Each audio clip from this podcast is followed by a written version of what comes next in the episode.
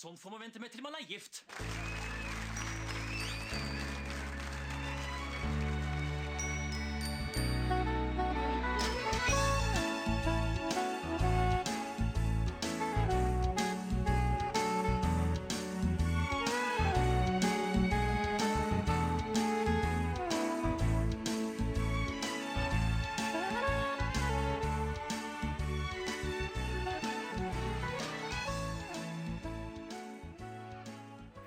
Hei, velkommen til en ny episode av Norsk film filmpodkast. Podkasten hvor vi ser norsk film og TV med et kritisk, men kjærlig blikk. Mitt navn er Emil. Jeg sitter her som alltid med.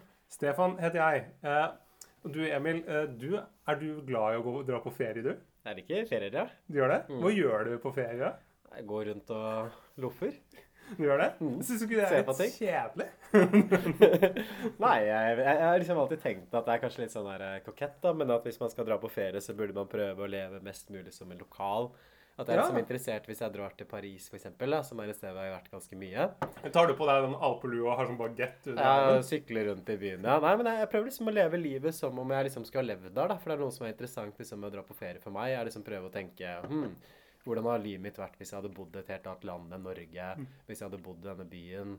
Prøve å sette meg liksom inn i det mindsettet. Hvis jeg hadde bodd i Marseille, eksempel, hvordan hadde det vært? Ja, eller New York eller Tokyo eller hvor som helst. da. Paris eller eh, Toronto? Barcelona. Hva med Valencia? Helsinki. Eh, Nord. Tallinn? Nord-Makedonia.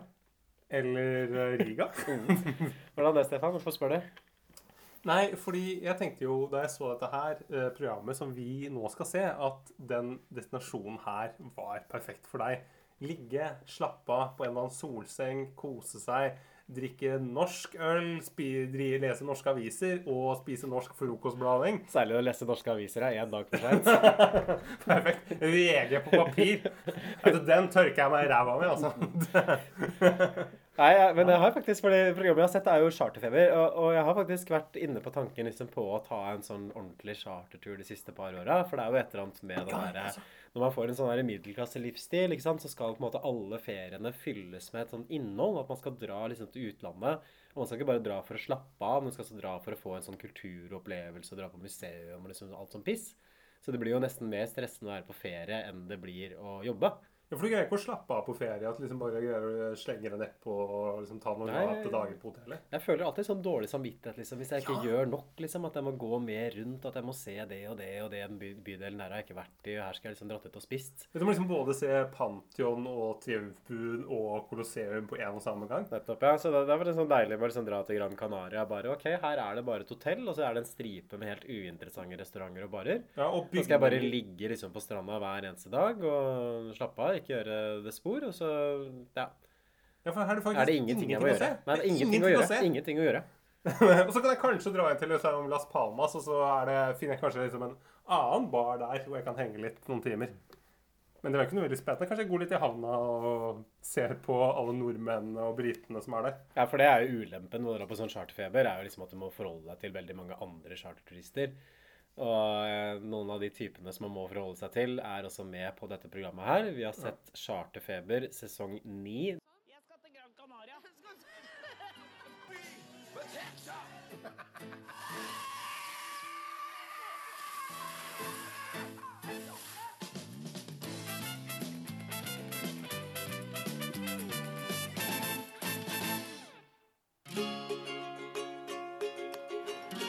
Sola har stått opp over Gran Canaria, og spanjolene har satt opp solsenger, fylt opp paraplydrinker og gjort klar for nordmenns årlige utskeielse, nemlig de etterlengtede sommerferiedagene.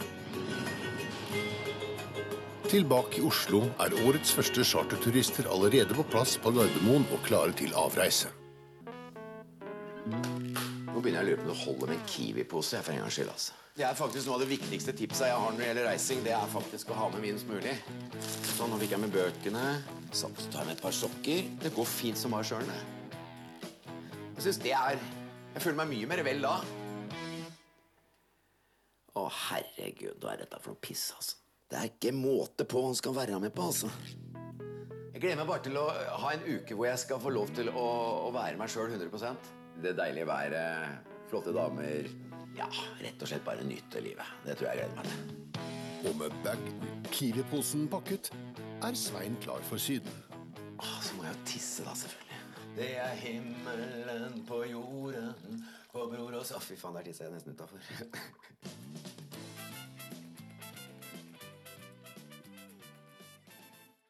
Ja.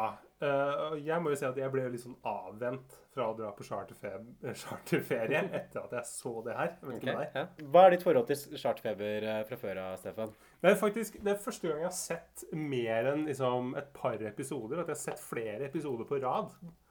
Det var jo, det var liksom fascinerende i seg selv. For jeg, jeg detter ofte av lasset. Jeg syns, det blir litt, sånn, blir litt kjedelig etter hvert. Men er du veldig fan av sånn som den sjangeren her generelt? Fordi charterfeber er jo en del liksom, av en sånn serie, liksom en TV3-programmer som kom i samme periode. Og kanskje en av de tidligste eksempler på det også sånn dukkedramaer eller dukkereality. For du har liksom charterfeber, og så har du Hellstrøm rydder opp, og så har du Luksusfellen. Liksom den type reality-TV hvor man egentlig bare liksom følger som vanlige folk rundt. Jeg Hva syns, du om liksom sjangeren i seg selv? ja, men jeg syns det kan være gøy, men jeg, det, jeg, jeg tror at det jeg sliter med med charterfeber, er at jeg lærer ingenting av å se det. Hvis jeg ser 'Helsen du bryter opp, så måtte det sånn Å ja, det er sånn du skal lage hollandes. Du skal ikke bruke pose og liksom vann og pulver. Eller du skjærer løken på den måten. Men her så er det på en måte Du lærer jo ingenting.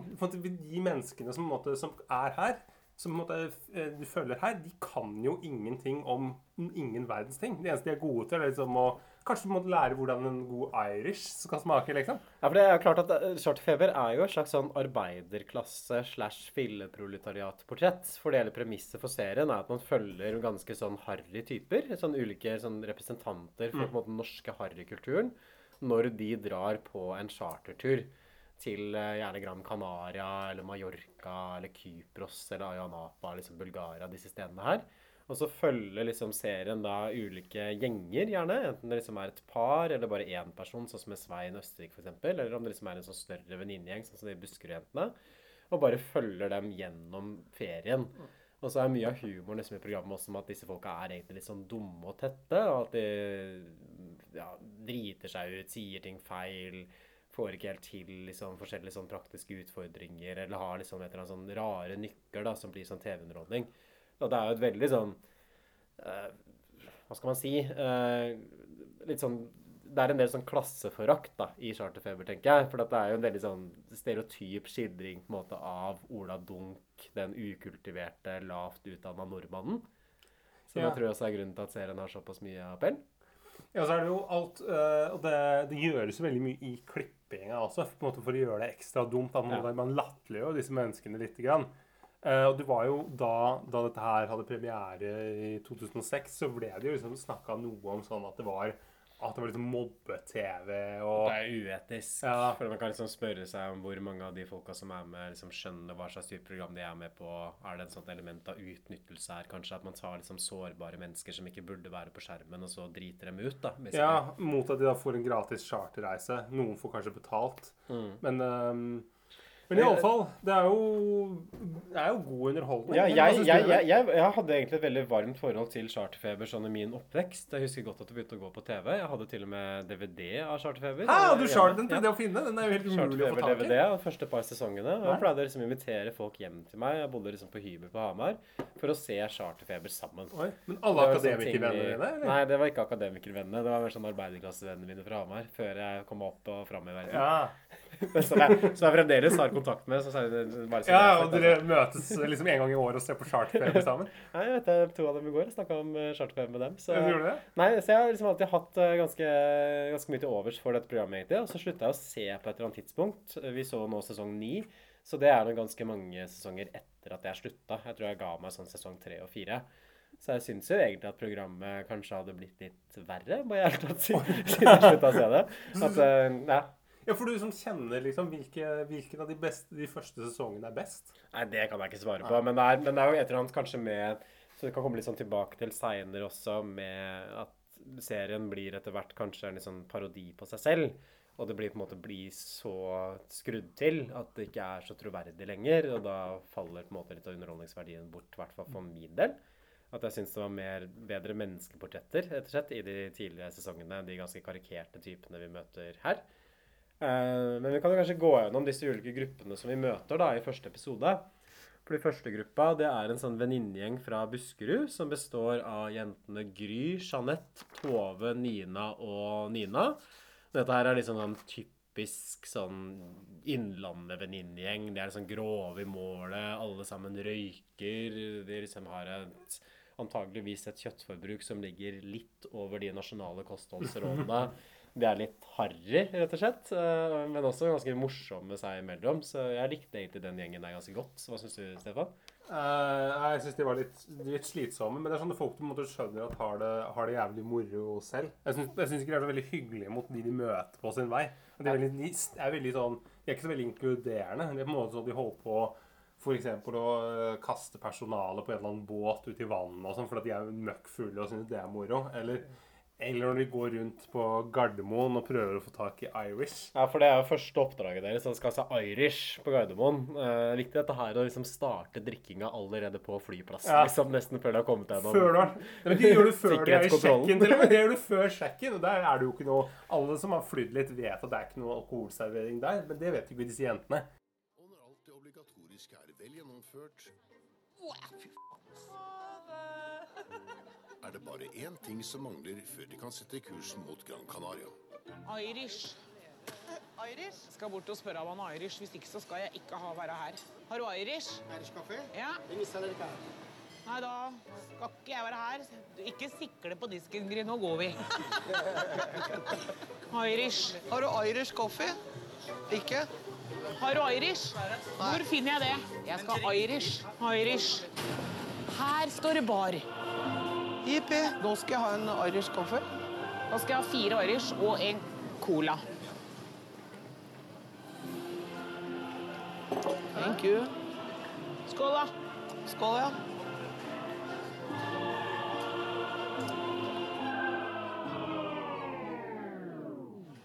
Helt ærlig så var den ikke så veldig god, eller? Nei, det var ikke Jameson og ikke brunt sukker. Nei. Drekk opp den jævla colaen din, så vi kommer oss ut og får røyka. Vi sitter og venter på deg så lenge.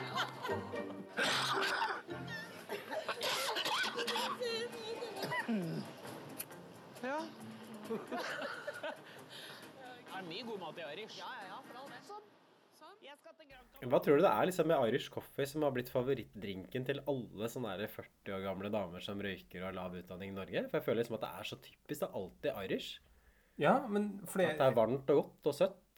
Jeg syns det kan være godt hvis du, hvis du ikke har så mye sukker i det. altså. Så synes jeg det kan være en eh, god drink. Ikke for å være en sånn stusslig uh, sånn litt høyt utdanna fyr, men det er på en måte det Hvis du fjerner litt av sukkeret, syns jeg det blir en bedre drink. Er Kanskje at det virker litt sånn kontinentalt også, fordi det er Irish. Eller ikke kontinentalt, men i hvert fall internasjonalt. Ja, det er for måte- Irish, der du, du drikker liksom drikken fra et annet land. Ja, for et engelsk navn. Det er, på en måte, det er Eller irsk sånn land.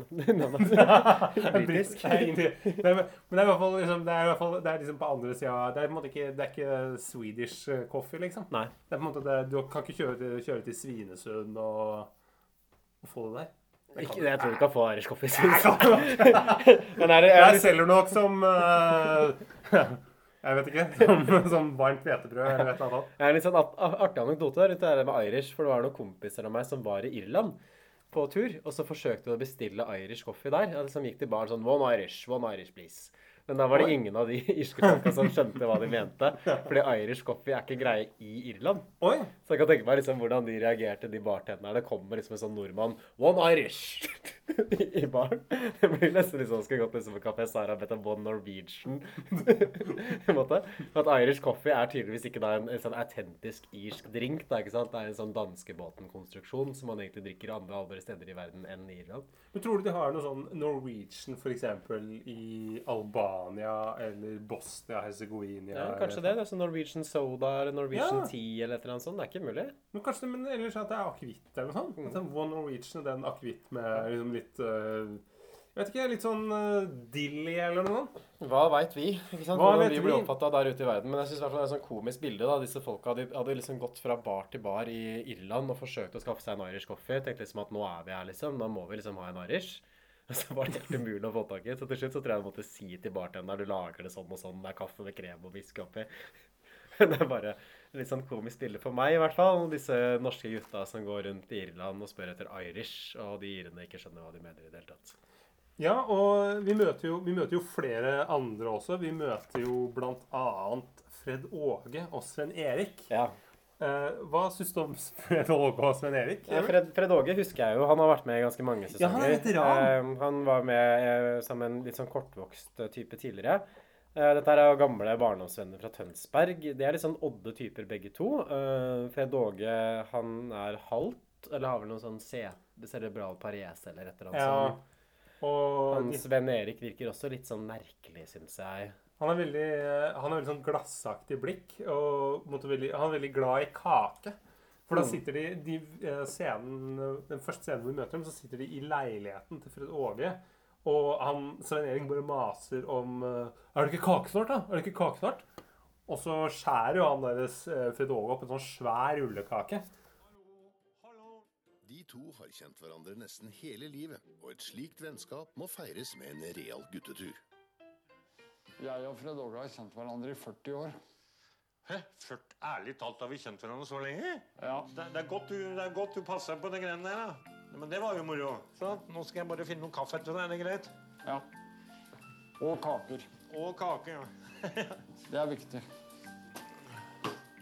Sånn. Skal vi se. Og kaka, da. Ja da, jeg må skjære opp, men vent litt, grann, da. Susa. Det beste med Fred Åge, det er det gode humøret hans. Og at han er en sann og god venn. Og aldri Og alltid trofast. Jeg gleder meg til der vi skal bo, og når vi skal ut og farte litt rundt. og... Og kaker. Fort da, da. Vent, da, jeg må bare finne en asjett, så kommer det straks. Jeg er kakesuger. Ja da, det bare tar litt tid. Sånn. Fort da, da. Vi må skjære opp eh, nesten alt sammen her til deg. Jeg er alltid kakesugen. Ta en noen til, tenker jeg. Sånn. Ja. Sånn, nå kommer jeg. Ja, ja, ja. Ja, ja, jeg kommer. Så, så, så. Oi, oi, oi. oi. Å, dæven. Sånn. Flott. Det var godt Jeg må innrømme at jeg er ekstremt glad i kake. Jeg er så ekstremt glad i kake. Men det er jo ålreit å tenke på at vi, er, vi har sånn 40 års uh, Vennskap. vennskapstur. Da. Det er jo ålreit. Ja. Det blir, det blir moro. Det blir et slags vennileum. Ja. Han, og Sven Erik han han bare gafler i seg. Jeg har aldri sett noen spise kake som han. Ja, men hvorfor ikke? Jeg liksom tenker at Chartfeber er på en måte livsnyternes program. Og det er liksom at både Fred Åge og Sven Erik røyker også inne i Ja. leiligheten til Fred Åge. Hva syns du om den uh, interiørstilen i den leiligheten? Er det sånn du har det hjemme? Vel? Ja, det er omtrent sånn, ja. Så røyker jo inne selvfølgelig i vår leilighet. Nei, men jeg tenker sånn, hvorfor ikke? Liksom, sånn livet, livet, hvorfor ikke røyke og drikke spise kake? At livet, du lever det bare én gang. For det er godt poeng, for vi ser, jo vi ser dem aldri spise noe annet enn dessert. Det de inntar, er dessert, øl og sigg. Øl og sigg, ja. Så det virker jo som et fantastisk liv. Og så en annen gruppe her som er eh, The Classy Girls. eh, Aurora og Ann Mariell fra Paradise Hotel. Som ikke er spesielt classy. Skal, det må jo bare Nei, legge Ann det. Mariell er faktisk Jeg så jo den Paradise Hotel-sesongen da de først ble kjent. Fordi bakhistorien på Paradise er jo liksom at Ann Mariell ble veldig mobba og fryst ut av de andre deltakerne da hun deltok. Og så var på en måte Aurora opprinnelig sånn en av de verste mobberne, og så endte hun på en måte med å gå liksom over til Ann Mariell sitt lag etter hvert. Og de liksom var veldig på siden av de andre, og de andre deltakerne hele tiden forsøkte å få dem ut. Og så vant de jo sesongen, og delte da premien seg imellom. Oi, med den kula som du Ja, må holde oppe. Mm. Men hvem av dem er Ann Mariell, og hvem er Ann Mariell er hun fra Bergen, og Aurora er hun som er fra ja, det er vel fra Telemark eller noe ja. sånt. Jeg syns Aurora gjorde litt mer sympatisk inntrykk. Så Mariell sitter bare på telefonen sin. og- Ja, fordi det blir jo veldig framstilt som sånn blond, blonde, bortskjemte og selvopptatte bimboer, egentlig. Og det er på en måte deres karakterisering her. Men hotellets restaurant åpner ikke før om to og en halv time. Hvorfor er det ikke andre her? Nei, det ligger vel sola seg nå. Se, de driver og glor og Nå lurer Nå blir det bråk, ikke sant?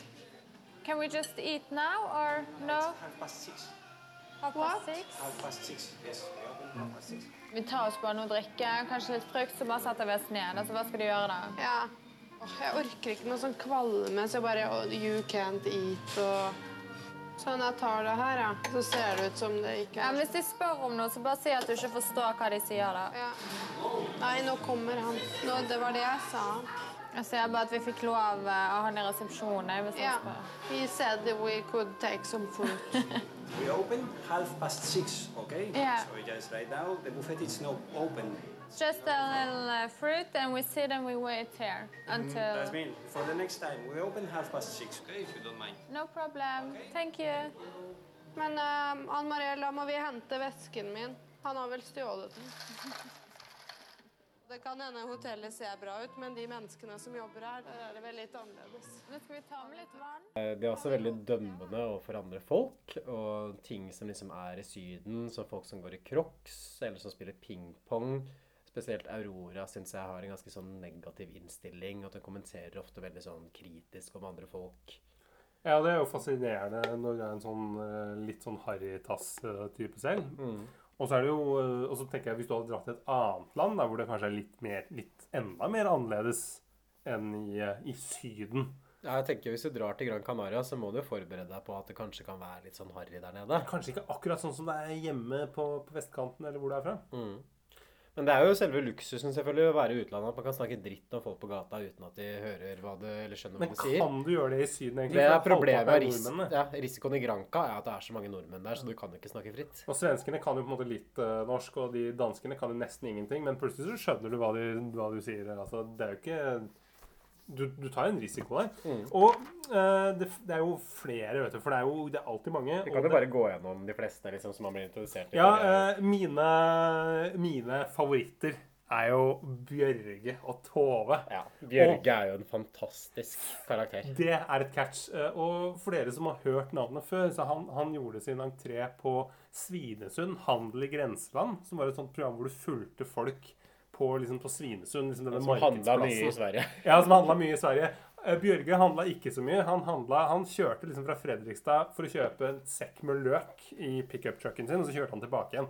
Men mente at det, måte, det lønner seg fortsatt å dra til Sverige. For det er kanskje en av de tingene som er mest kjent for, at han spiser liksom løk som håndfrukt. Så er sånn det- gå i kjøleskapet, finne fram en løk, skrelle den, og så bare spise den liksom i hånda som et eple. Det tenker jeg, det er macho. Det er som på en måte sånn uh, Hvis på en måte kvinner tenker sånn at de sitter der ute og tenker at uh, mannen min han er på en måte ikke macho nok. Uh, det er alltid noen som mener at kvinner etterspør det. Så ser jeg på Børge. Er det ikke, er det ikke macho å spise denne løken rå? Hva tenker du av framtoningen generelt? For jeg føler liksom at han ser litt ut som Bowser fra Super Mario. Ja, Bare ja. uten den røde hanekammen. Ja. Han har sånn dinosauraktig utseende. Ja, utrolig sånn utrolig kult utseende. Rundt huet, og så mye sånne dype fyrer og rynker og sånn bredt fjes. Jeg syns han har utrolig kult fjes. Eh, og han, uh, det beste med han er jo at han overlevde å bli påkjørt av en fyr i 90 km i timen. Han Mm. gikk langs en vei, så ble han påkjørt av en fyr som fyllekjørte. Tenk at han lever fortsatt. Så Tove eh, legger jo vekt på at han kan jo ikke, han kan jo ikke dykke, for da risikerer han å, bare, å, å bare droppe ut helt. Ja, for det, nå, nå legger jeg kanskje et lite skår i gleden din, Stefan, men eh, både Bjørge og Tove er jo døde, døde nå i dag. Eh, Bjørge døde av hjertestans i en alder av 61 år, og Tove døde liksom rett etterpå. Og man ser jo det at Tove har ganske dårlig helse, at hun blir kjørt rundt i rullestol på Gardermoen f.eks. Mm. Uh, Bjørge ja, Man ser jo på hele fyren at han har, det er en fyr som har høyt blodtrykk, liksom. Det er det ikke noe tvil om. Men jeg syns det er veldig sånn fint liksom, med dem på den sesongen her. For dette her er jo den første gangen de er ute og reiser, tror jeg, sammen. i hvert fall. Ja, har Bjørge har vært litt i utlandet før, og Tove har aldri flydd liksom vært utenfor Norge. Nei, de har vært litt liksom på Holmene utenfor Fredrikstad, liksom ute på Hvaler og sånn, og kost seg der på sommeren. Vi holder på med en annen BG. Tannpirker her. Det er bra for holdes tannsten og alt vekk, det. Her er det helt første gangen jeg tar fly. Og eh, jeg både gleder meg og gruer meg. Jeg gjør det. Jeg har vært dritnervøs nå og har nødt meg hele tida. Unnskyld ordspråket, men eh, det er bare sånn jeg prater. Men, men du kan jo si som sånn at du kommer alltid ned igjen. Morsom, eller? Herregud. Nei, og jeg har aldri hørt noen som har ikke kommet ned igjen. Nei. Men eh, det er veldig viktig å bruke tannpirker. Ja. Jeg tar badeshorts. Ja. Jeg holder det. Det er fint å bade. Man må passe på å ikke dykke. Hvorfor? Nei. Det er på grunn av Hjerneskaden. Ja, men det er på grunn av å dykke dypt, da. Nei, du hadde bare sånn fridykking, du, så holdt på å svime av. Dette er jo mennesker du blir liksom I hvert fall Bjørge for meg. Det er en fyr du blir oppriktig glad i. Ja, Tove også, syns jeg. Det er liksom sjarmerende. Og, Mm. og, um, og det er en helt annen fordi Problemet i uh, handel på grenseland, Svinesund, eh, var jo at han ble på en måte framstilt som en sånn vanskelig kverulant. Men her er jo Bjørge liksom eh, Han er vennligheten selv. Ja, man ser også at han er varm, og liksom, men, Ja. men, men han har, men han har sånn her svartsyn i seg, Bjørge, som er veldig interessant. At han er ganske negativ, eller sånn, sånn politisk negativ. Ja. At han slår meg som en sånn typisk Frp-er, egentlig. Han klager liksom over mye over Norge, at vi tror at vi er verdens beste land. Men veien er så dårlig sammenlignet med Gran Canaria. det er det første han kommenterer. Det er på en måte, det er jo mer peak gubbe får du på en måte ikke når du, måte, det, det første du sier når du sitter i taxien fra flyplassen inn til hotellet, er på en måte hvor gode veiene er. Og Det er bedre veier her. Ja, Bedre veier her. Det er breie veier. Det, I Norge er jo sånne krøtteierstier der. Og, men, men det er den der søte liksom, delen av den likevel, når de kommer til flyplassen til Gardermoen, og Tove Det er en egen fyr i refleksvest som, som fikser rullestol til henne og kjører henne av gårde. Og han bare sånn dette er liksom Oi, det er jo helt, helt fantastisk. liksom For en service. Og sånne, sånne bra folk, liksom. Det er jeg ikke vant til å møte. Og han er så positiv for at hun får den gode hjelpa. Ja, jeg tenker liksom det generelt. At det, er, det er liksom noe, noe av det jeg likte så godt med Charterfeber, og som jeg liker også liksom med Paradise Hotel og den type reality-serier. At man, man kan på en måte utvikle en sånn slags sånn empati for folk som man ellers har ganske lite felles med. For liksom Hvis vi hadde møtt Bjørge på byen eller liksom bare sett han i en sak, så ville vi tenkt at det er for en harry idiot. ikke sant? Sånn der, han er sikkert reaksjonær og stemmer Frp og bla, bla. Men her tilbringer man liksom såpass mye tid sammen med disse menneskene at man lærer seg å sette pris på dem. Så jeg føler at det blir en slags sånn øvelse i empati. At man klarer å liksom utvikle en empati også for folk som er veldig annerledes fra deg selv. Og Charterfiber på sitt beste syns jeg får til liksom å skape den empatien og den varmen. At det er på en måte ikke bare utdriting, selv om det er det mye av tiden. Men det er også etter at man ser, liksom, ser så herlig disse menneskene er. Ser så gode de er med hverandre. At de bryr, for det er ingen her som framstår som slemme, da, syns jeg. Nei. I noe særlig stor grad. Og kanskje Bjørge først og fremst. At det skinner jo gjennom særlig senere at han bryr seg veldig om kona si, f.eks. At han bryr seg liksom om å være et godt menneske. Så man kan se liksom den grunnleggende godheten da, i folk som man kanskje ikke vanligvis tenker på som sånn spesielt gode eller sympatiserbare Nei, ja, i vårt vanlige liv. For du ser det som en sånn sinna fyr i kassa på, liksom, på Coop Rix. Ja, det blir jo stereotypien, ikke sant? Eller han sitter sikkert i kommentarfeltene og bare spyr ut og bla, bla, bla. ikke sant? Altså, ja. En av de fine, en av de scenene som jeg syns virkelig um, som treffer det du sier, er jo Fred Åge og Svein Erik når uh, kamerateamet spør Fred e eh, Svein Erik hvorfor Fred Åge er en god venn. Eller liksom hva som gjør han til en fin fyr. Og Fred Åge sier at bare han er en god venn, han er veldig trofast og Det er, sånn, Mm. det er veldig sånn Det er veldig enkelt, men det er liksom Det er, det er søtt likevel, da. At liksom, det her er Ja, de har behov for det, de òg. Og de lever livene sine sammen. og? De lever jo på en måte ikke et sånt liv som vi ville valgt, kanskje. kanskje Jeg vil ikke ha sånn gamerstol eller sånn lakkbord i, i Men de, liksom, finner, de finner på en eller annen måte en glede i det. De har det fint, ikke sant? Og det, det er liksom Charterfeber ganske bra på å løfte fram liksom igjen på sitt beste. Jeg kan jo kanskje gå videre nå til det jeg anser som kanskje Charterfeber på sitt verste, som er den femte vi følger, nemlig Hilde.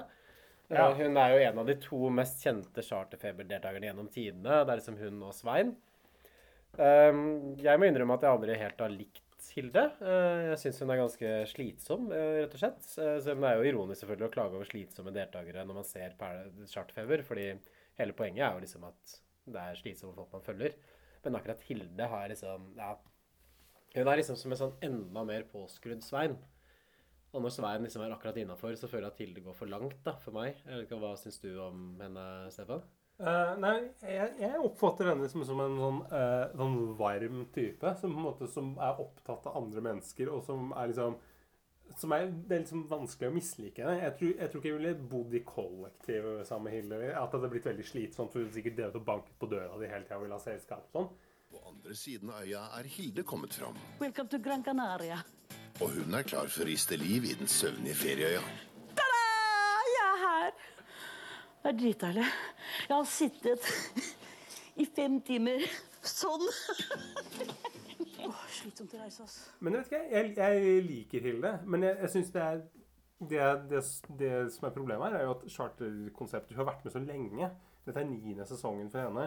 Så de har liksom ikke så mye mer å spille på med henne. Det er på en måte bare at hun er morsom og sånn. Så, så historien i den sesongen her er jo bare at hun skal prøve å få seg jobb i Ja, de har lagd liksom et sånn der konstruert et sånt opplegg at hun skal forsøke å få seg jobb der nede og liksom prøve å være jobb på frisørsalong og så for noen sånne surfegreier. Jeg syns det ble veldig konstruert og platt, egentlig. For man skjønner at dette er bare noe man har funnet på. Ikke sant? Skal ikke jobbe der nede. For å få råd til svømmebasseng hjemme i Norge. Da kan du måtte heller jobbe på sånn callsenter. Ja, eller hjemme i får vel også såpass mye for å bare stille opp på Paradise, tror jeg. At hun kunne liksom kjøpt svømmeseng. Ja, du, du, mener, du mener charterfeber? Jeg tror, jeg tror ikke hun er med i Paradise. Men det kan jo være. Charterfeber, ja. Sorry. Jeg må slutte å gjøre den sammenblandinga.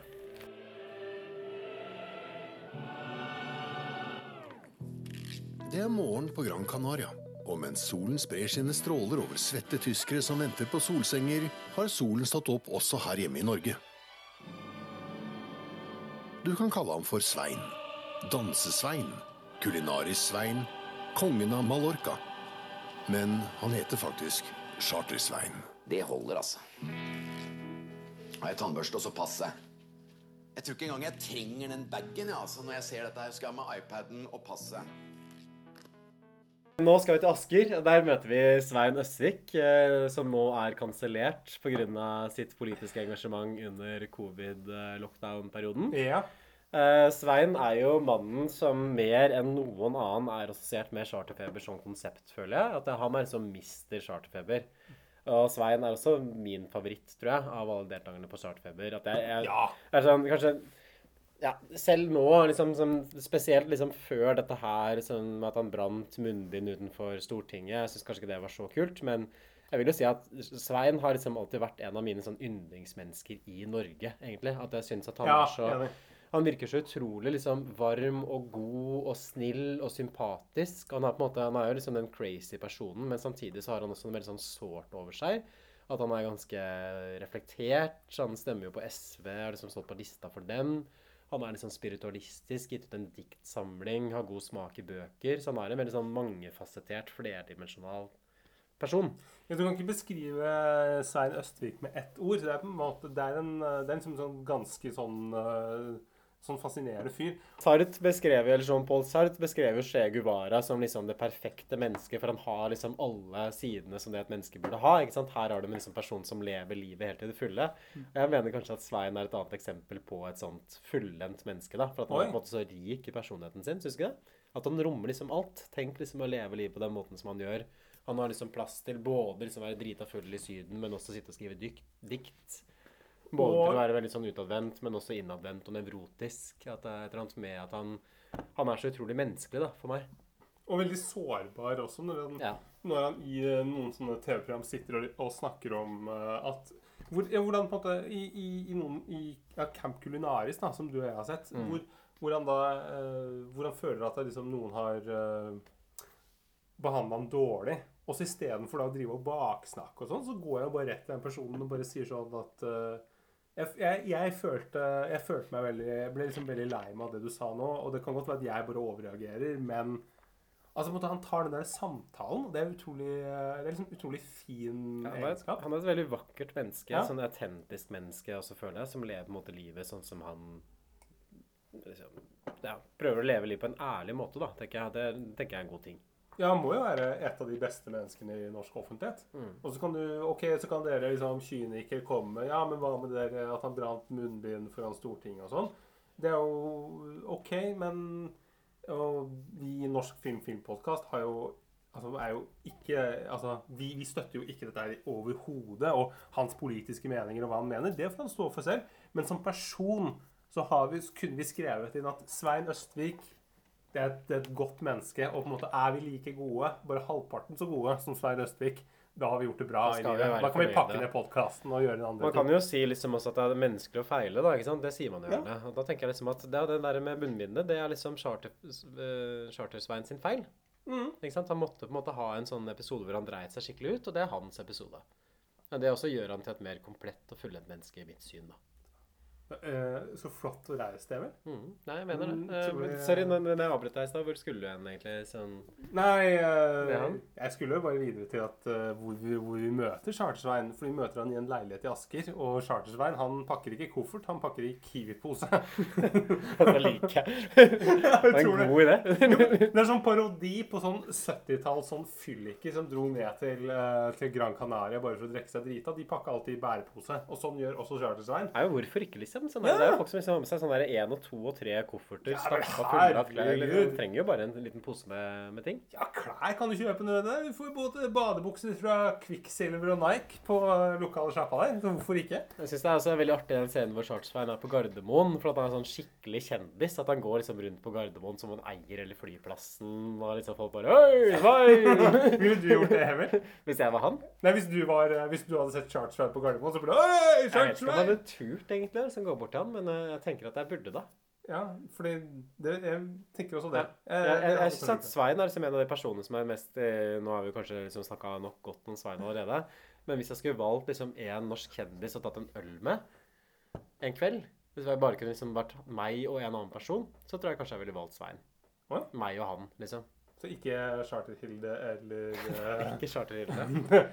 Nei, jeg tror det kunne vært interessant hvis jeg kunne liksom blitt garantert at jeg har hans fulle oppmerksomhet liksom en kveld. Vi sitter liksom på et utested og bare sånn drikker en sånn seks, syv, åtte øl og filosoferer og prater om livet. At uh, han var en sånn oppriktig interessant person for meg. Og liksom bare høre hvordan tenker du om ting, hvordan er livet ditt, hvordan føler du det? Nei, men det er, bra, det er bra du hører det, Svein. Og bare, bare send en uh, mail til Emil hvis du hører på. Vi møter jo også et sånt kjærestepar, Marius og Karina, som Oi. skal på ferie. Og de, greia deres er at de driver med Pokémon Go. Go, eller er? Pokémon Go! og så skal de Handler ned klærne dine på JC også, eller? så skal de ned til Gran Canaria for å få tak i tre Pokémon som kun er der nede. Det er sånn Corsola, Solrock og Tropius. Jeg syns det er de klart svakeste deltakerne denne sesongen her. At det, de hører ikke hjemme på TV. Sorry. Altså det, ja. De er veldig lite, de er veldig, veldig, de er veldig lite TV-vant og, veldig lite TV-vennlig. Og problemet er jo at han, han eh, Marius, han, han, han, han, veldig mye Han sier jo ingenting. Han bare snøvler og liksom prater i liksom Ikke i skjegget, men liksom kanskje noe annet. Han virker jo helt livredd å være på kamera. Ja. Han står liksom bare og stirrer på kjæresten sin hele tiden. Hun må liksom dra lasset. Og så er det jo et eller annet mer liksom fordi Premisset deres er at de bare går rundt og spiller Pokémon Go. ikke sant? Så det blir jo bare liksom med scenen deres at de bare går liksom rundt med mobiltelefonen sin og ser ned i den. Og det er ikke god TV. Det er utrolig dumt. Men her har jo produksjonen tenkt at For dette ble laget i 2018. I 2017 så var jo den der Pokémon Go-bølgen var jo over hele, hele Norge. Og, det, og så tenkte man sånn Hvordan skal vi lokke ungdommen til charterfeber? Kanskje vi skal følge et par som driver med Pokémon Go, og at de i tillegg er litt sånne snodige typer? Nei, Det er en god idé på papiret, men jeg syns ikke det fungerer i praksis. Jeg syns rett og slett at produksjonen har gjort en skikkelig bommert her med å caste de to, for at det er utrolig kjedelig å se på. altså. Det er bommert, altså. De, bare, de, de går bare liksom rundt og ser på telefonene sine, og så prøver de å fange Pokémon. Men ja, man kan jo tenke seg selv hvor spennende TV det egentlig er. Nei, de- Å se på folk som går rundt og spiller et mobilspill. Eh, kommentatoren eh, han Paul Jackman gjør så godt han kan, eh, og eh, legger inn sånn eh, litt kul musikk og, og liksom og kommenterer som at han kommenterer liksom en, en fotballkamp når, eh, når disse her møter en Pokémon Go på sin vei og står liksom nede i skjermene sine og er helt stille. Og prøver da liksom å, å, bare tyne safta ut av den der knøttlille sitronen som, eh, som han sitter med. Og, eh, og lykkes jo heller ikke spesielt godt. Altså. Men en ting som faktisk er en god scene, er når Bjørge og Tove kommer på hotellet sitt eh, og skal sjekke inn. at De, bruker jo veldig lang tid gjerne på å liksom følge folk gjennom flyplassen og liksom ned til feriestedet. Men her syns jeg at det liksom betaler seg. For det som er problemet deres først, er liksom at de kan jo ikke et ord engelsk eller spansk. Hvertfall ikke så det er når, når, når, når betjeningen liksom prøver å ta betalt, så skjønner ikke Bjørge hva han mener. Så han vil ikke betale liksom for hotelloppholdet. Så Nei. bare snakker sånn Euros? Er det euros? Er det pesetas? Er det euros? Er det pesetas? Når han fyr bare prøver å få til å dra kortet. Og så får han liksom romnummeret, og så liksom drar han opp og prøver liksom å finne rom, rommet. Og så har han fått feil Han har hørt feil, så er jo ikke det sånn her 563. Og så har han hørt liksom 531 eller et eller annet sånt. Og så driver de da og surrer, for det er på en måte da forskjellige Dette er jo et hotell som er bygd i flere perioder, så det er på en måte sikkert bygd på tre-fire ganger.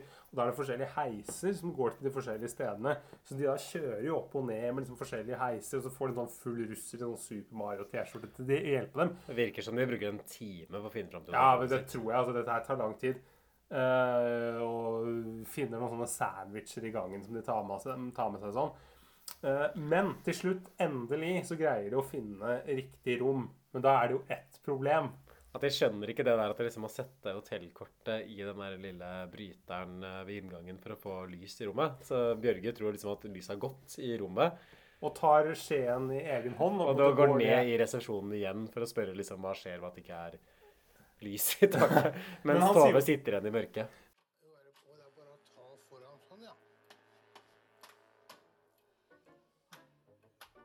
Finner ikke noe lys. Det er ikke noe lys, Det er ikke noe lys her. Men det er sikkert noe sånn inne. Og her. Nei, det er ikke noe som virker her, jo.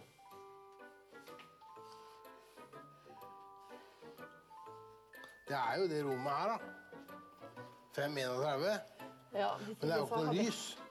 Hvis ikke så hadde du ikke kommet inn. Vet han noe om det? ja? Det er mørkt her. Så han fikk opp den døra igjen. Der, ja. Jeg må nesten gå ned og så snakke med han kallen igjen. Det virker jo ingenting her, jo. Nei. Virker ingenting. Åh, herregud. Jeg kan jo ikke en dritt engelsk heller. Spis opp sandwichen din. Jeg skal ikke ha noe sandwich. Den får du spise opp sjøl. Nå skal jeg gå ned og snakke til han der kallen og så få noe lys her. Med Tove forlatt i mørket må Bjørge nok en gang søke hjelp i resepsjonen før ferien kan begynne. Bjørge og Tove har hatt en lang dag, og til slutt fant de rommet sitt. Men de oppdaget fort at rommet ikke hadde fungerende lys. Bjørge er igjen på vei til resepsjonen for å be om hjelp. Men minnene om språkproblemene tidligere på kvelden sitter i, så Bjørge ville utelukke alle misforståelser. Hva heter det når det ikke er lysa? Don't uh, Not uh, lies. Skal jeg høre hva han sier.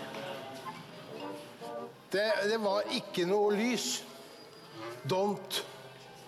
Jeg tok på bryterne, ikke lys. The er room. Ja. The all room, no light. Not uh, lies. No light in the room. The Ja. all room or the bad room. Ja. Ikke noen ting. Okay, my colleague going with you to your room. Ja. Mira ver si metió la tarjeta. Han ordner det, han. 561.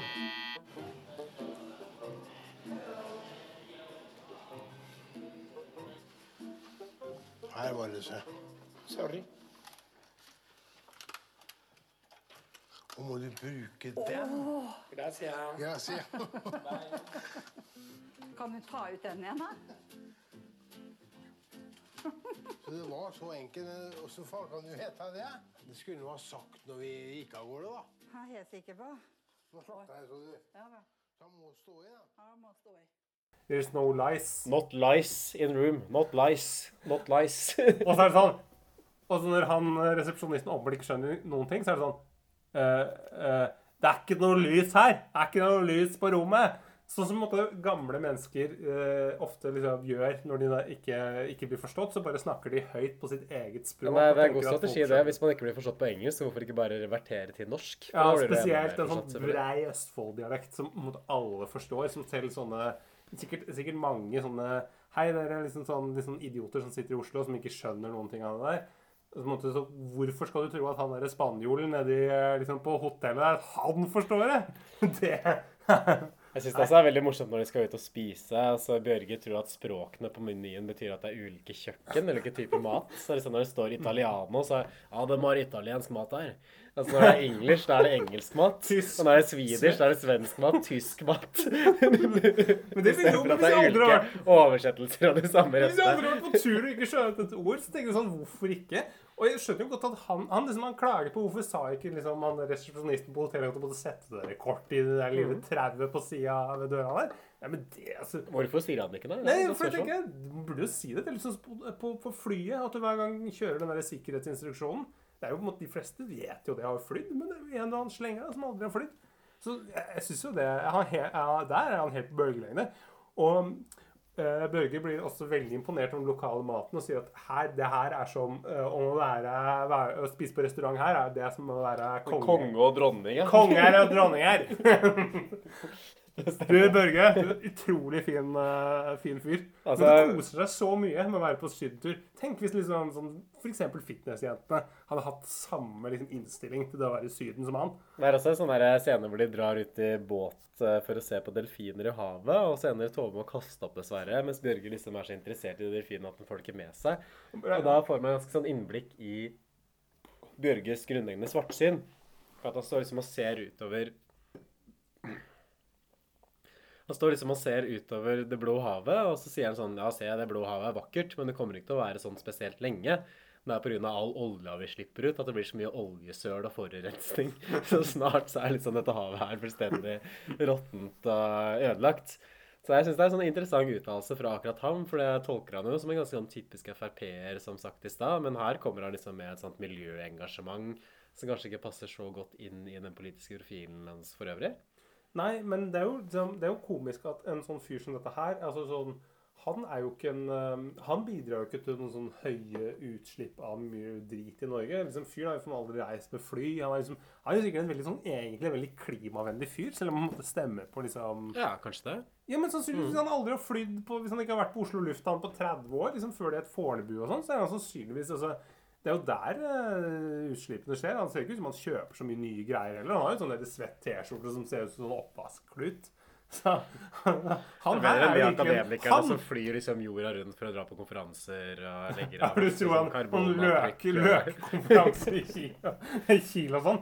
Han, han her uh, Hei, uh, MGP uh, Nei, MDG. MDG.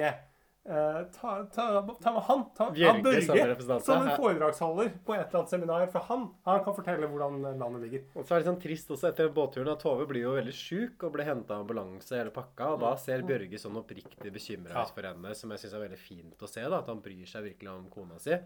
Det var liksom ikke sånn det skulle gå, tenker jeg, på den første ferieturen de hadde sammen i utlandet. Og det viser seg at det er herpes hun har fått. At det er, munnsår, rett og slett. Ja, og de jo, de jo- og der kommer det jo den der Bjørgen at det har du jo ikke greid å finne ut av i Norge. Men her så tok det liksom fem minutter, så fant du ut at det hadde herpes. Han kan jo begynne å lure på om vi virkelig bor i verdens beste land. Og så så blunker han til kamera.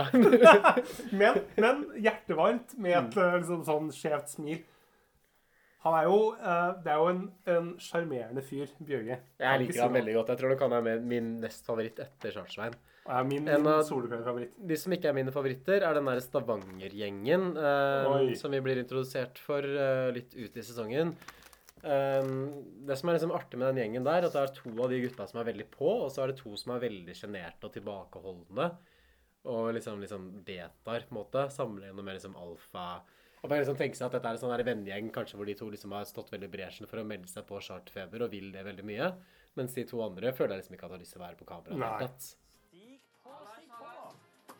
Da har vi guttene fra Hundvåg i Stavanger her. Vi er på, på vei til Gran Canaria for å hoppe i fallskjerm, drikke minigolf, tennis, spise mat, drikke pils, ligge med damer.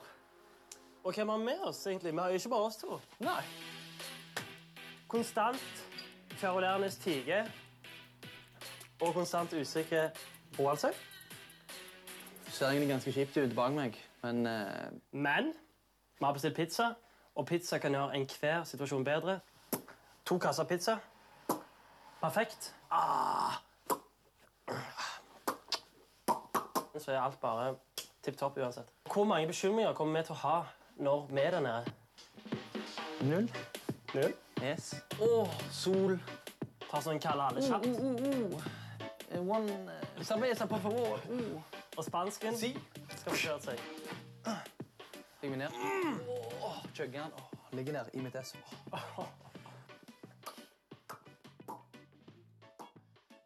Nei, og det er det. Det er en som åpenbart har noen sånn tics. Så han lager sånn der klikkelyd hele tiden når han snakker. Og han er jo på en måte Det var nevemagnet til Lux. Han virker jo øh, Han virker jo ikke som han har funnet opp kruttet.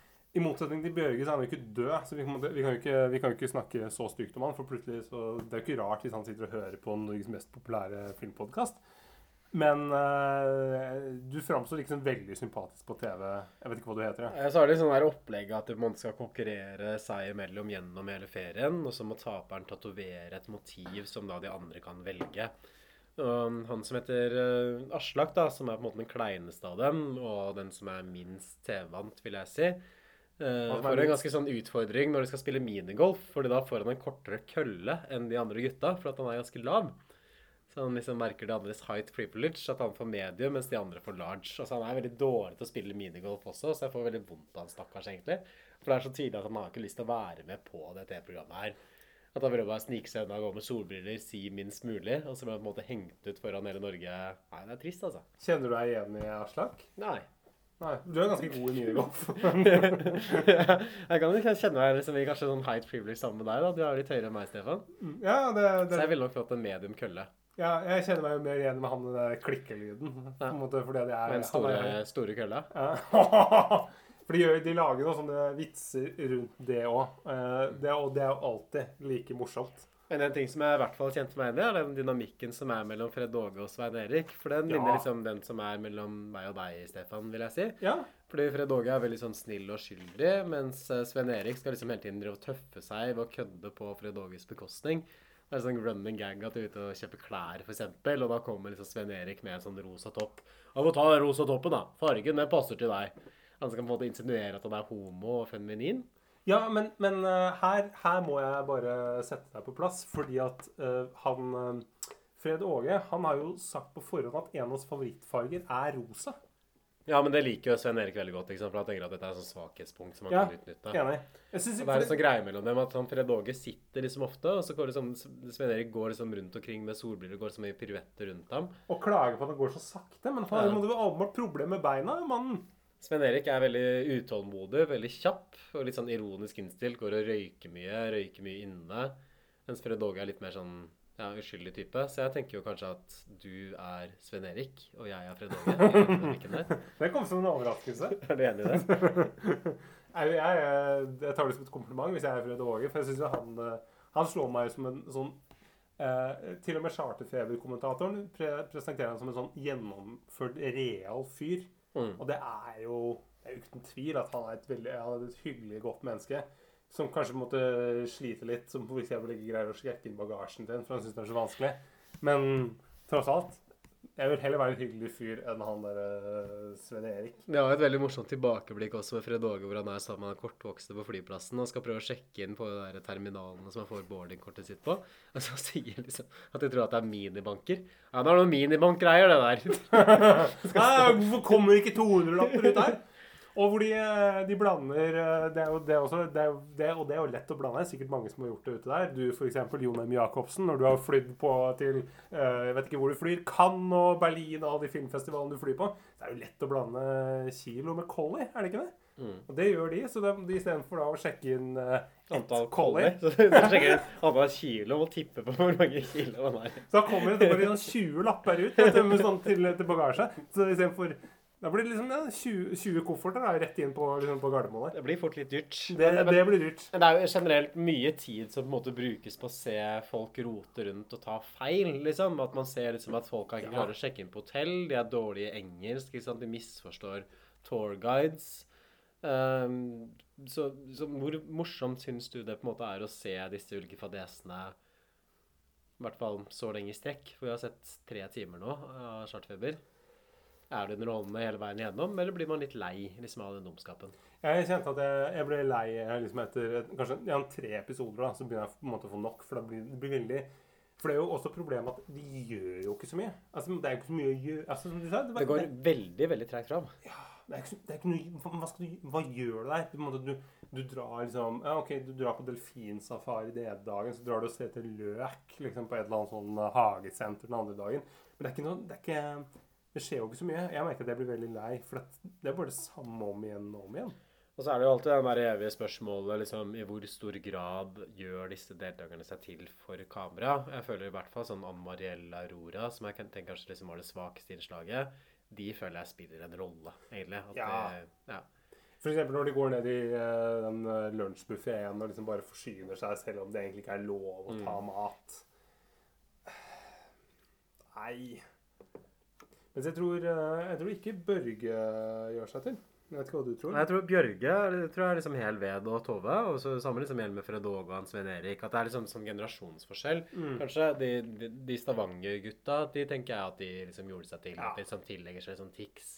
For de skjønner jo hva slags program de er med på. Liksom, det er jo problemet liksom, med enhver sånn type reality-serie. Når deltakerne blir på en måte kloke på hvilket program de er med på. Og så forsøker de på en måte å spille opp til programmets forventninger til dem. på en måte. Mm. Ja, det er, no, det er jo eh, Og det virker som noe de har funnet på selv, men det der med den der konkurransen, de der tatoveringene, er jo litt sånn for, å, for at det skal bli noe spennende. At ikke bare ha noe innhold, liksom, og melde seg på serien. Jeg har sikkert liksom skrevet det på liksom, når de har sendt inn brev til TV3 om å få være med på Chartfeber. At vi skal, vi skal ta en uh, eh, En skal ta en tatovering, og den som, uh, vi skal ha mange øvelser, og den som taper, da, skal måtte, må ta tatovering. En ting som jeg også syns er litt sånn utfordrende med å se i hvert fall mange episoder på rad, at det er veldig mye sånn syting og klaging, og som går liksom på folks sånn nykker og særheter. Det gjelder også for den Buskerud-gjengen. De også er veldig sånn egne, tenker jeg, liksom i møte med folk. Veldig negativt innstilt. Så det er litt sånn ja, Det er jo noen sånn glimt av varme, f.eks. med Bjørge og Tove, for eksempel, først og fremst, da. Men generelt så føler jeg på en måte at programmet har en litt sånn negativ tone. At det er et mye sånn problemfokus i det. Og Ja. det kjenner jeg kan bli eh, litt sånn utmattende på sikt. Ja, og så er på en måte Problemet sånn som den Buskerud-gjengen er at de, er noe, de behandler jo ikke folk som de møter på en Ja, og det gjelder de der eh, classy girlsa òg, de der eh, fra Paradise Hotel. De behandler jo ikke folk på en spesielt god måte, sånn betjeningen og sånn rundt omkring. Altså sånn som, sånn som vi har, Det er én scene hvor de Buskerud-gjengen er, er ute på en båt eh, med liksom, altfor mange fulle turister, og så er det liksom én person som eh, ansatt som skal passe på denne gjengen her. Og de holder jo på med liksom, å dytte henne ut i vannet, og liksom det er sånn det står og tørrjokker på henne, og uh, drar liksom sånne vitser om uh, buttplug og, Mm. og sånne ting. Og det er jo Du tenker jo bare at fy faen, så for et helvete det er å jobbe i turistindustrien med disse liksom, irriterende nordmennene. Og så måtte bare da sitter og og klager over at måte, det er ikke nok alkohol på, på stranda. Og så kommer de seg av båten, og så går de 50 meter, og så er det liksom et skjenkested. Og så går de 50 meter til, og så er det ny Irish coffee. Men de gjør det er liksom Ja, det er kanskje sånn at Man blir på en måte konfrontert på en måte med nordmenns verste oppførsel. da, ikke sant? For gjerne så tenker man jo kanskje at eh, når Norge, nordmenn er i utlandet eller på chartertur, liksom at det er det på en måte da vi er på det vårt mest minst sympatiske. Mm. Og det ser man jo liksom absolutt her. Um, men det er jo som et annet spørsmål også, sånn i hvor stor grad på en måte er charterfeber? Er det uthengning? Er det klasseforakt? ikke sant? Benytte, utnytter seg av folk liksom som ikke veit bedre? Sånn som Fred Åge, eksempel, at vi sitter og ler av han sånn ironisk, mens han tror sjøl liksom, at han framstår på en annen måte enn det han egentlig gjør. Er det på en måte, er det et slemt program, liksom, føler du? Sånn i bunn og grunn? Jeg føler jo at hvis du um, Hvis du gjennomskuer det her, så ser du jo f.eks. at i forhold til uh, Fred Åge og Svein Erik, så er det jo Fred Åge som kommer best ut. Det er jo han Mm. vi liker. Det er jo en grunn til at han får reise på chartertur hvert år. For han er jo tross alt Han, han gjør jo en mye mer sånn vennlig, hyggelig figur. Og ok, han vet ikke forskjell på Collie og Kilo, men han er jo en trivelig fyr som liker å gå i rosa singlet. Mm. Og, og Bjørge og Tove blir også invitert med på en tur nummer to. Det lønner seg å være en litt sånn Mens Classy Girlsa gjør det ikke. Liksom, Det er jo de, de sympatiske som ofte vinner. Svein Mm. har vært med i mange år, ikke sant? Så Og det er en sånn selsom opplevelse å se, for man stiller hele tiden spørsmål med liksom, hvem er det som lurer hvem, da? Ikke sant? Mm. Er det på en måte kamerateamet som lurer deltakerne til å avsløre seg selv foran oss? Eller er det vi som på en måte lurer serien for at vi liksom leser en sånn ironisk distanse? Eller er det på en måte deltakerne som lurer oss igjen for at de spiller ut en sånn form for rolle og får en popularitet eller en kjendisstatus, men som egentlig ikke gjenspeiler hvem de egentlig er?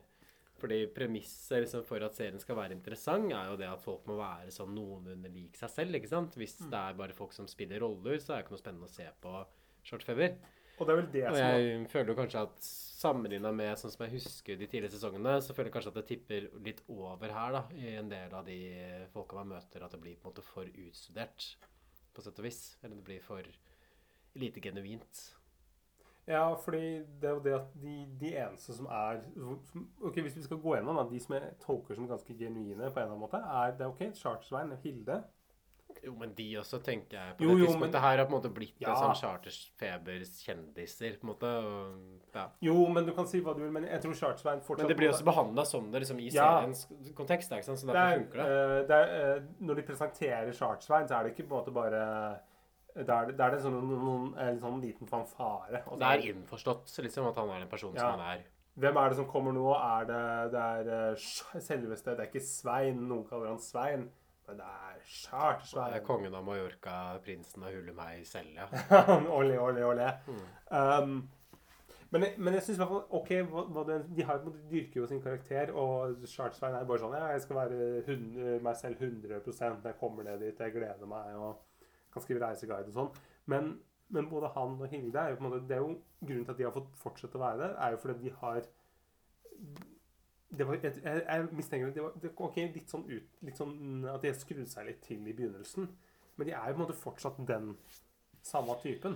Men det er jo en sånn derre parad paradoksmåte med, med all reality-TV. ikke sant? At reality-TVens suksess kan også bli den største utfordringen. ikke sant? Sånn der, hvis, det, hvis man får et program som Chartfeber eller Hellstrøm rydder opp eller Luksusfellen eller whatever, og så blir programmet såpass populært at folk begynner å melde seg på og se på en måte som en mu- måte å bli kjent Ja. på, eller metode for det som kommer seg opp og fram.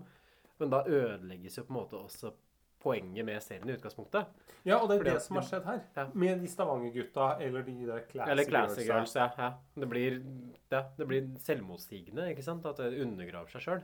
For de kjenner konseptet, og de, de bare prøver å lage sånne gode situasjoner hvor de er, enten er ufordragelige eller har en eller annen konkurranse. Mm. Men det er jo ikke det du og jeg som ser vil se. Vi vil ha Fred Åge Og vil jo ha det autentiske, ja. Ja? Bjørge. Det levde og det genuine.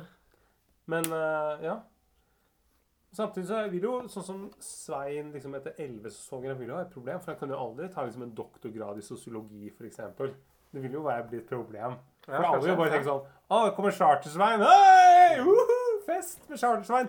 Det har alltid vært veldig uklart for meg hva Sartsbein faktisk lever av. Liksom Lever han å være reality-deltaker, eller har han en annen inntekt? Han var vel rørlegger først, tror jeg. Eller sånn Å ja, det? En håndverker. ja. Oi. Han har drevet med hester òg, dette det siste året. Nei, Hva tenker du sånn generelt? At, eh, skal vi begynne å sette et terningkast på dette her, eh, Stefan? Uh, ja Jeg setter ja, For meg så er det problemet det er det at jeg sliter litt med at jeg lærer ikke noe av det. Og jeg liker å se TV. Ja, det, det kan ikke, det, det kan ikke sette et terningkast basert på at du ikke lærer noe av charterfeber. Men, men problemet er at det blir, det blir for. Jeg tror, jeg tror det blir for gjentagende for meg. Og det, det, har, det er kanskje med, måte med sesongen å gjøre. At det blir liksom litt ensformig. Mm. Så jeg, jeg håper jo at du kan trylle fram den eh, charterfeber-DVD-en din, som jeg har prøvd å finne. Men som jeg så, den kosta liksom Den lå ute til liksom 500 kroner og ble revet bort på en time. Så det, det er jo virkelig sånn hard valuta. Det er jo vanskelig å få tak i det. Så hvis du, hvis du kan skaffe den, så, så vil jeg gjerne se en annen sesong som er bedre enn de gamle. Men den sesongen her gir jeg en firer. Ja, Jeg syns det var overraskende høyt, egentlig, fra deg. Jeg, jeg vil nok også legge meg på en firer sjøl. At jeg vil nok liksom si at Chartfebers beste dager er nok bak dem på det tidspunktet her. Men det er et eller annet med den oppskriften også, og at det er liksom en sånn ekspertise i klippinga. Jeg syns de er veldig gode liksom på å legge på gode lydeffekter, ikke sant? Klippe ting på en morsom måte. Kommentatoren er bra. Kommentatoren er god. Uh, Chartsveien er alltid verdt å se, og Bjørge er alltid verdt å se, og Tove er alltid verdt å se. Fred Åge ja, fire. Bra. Da tar vi ett minutts stillhet for eh, Bjørge og Tove, og så runder vi av. Eh, sitt stille ute der og bare tenk på dem i ett minutt. Ha det bra.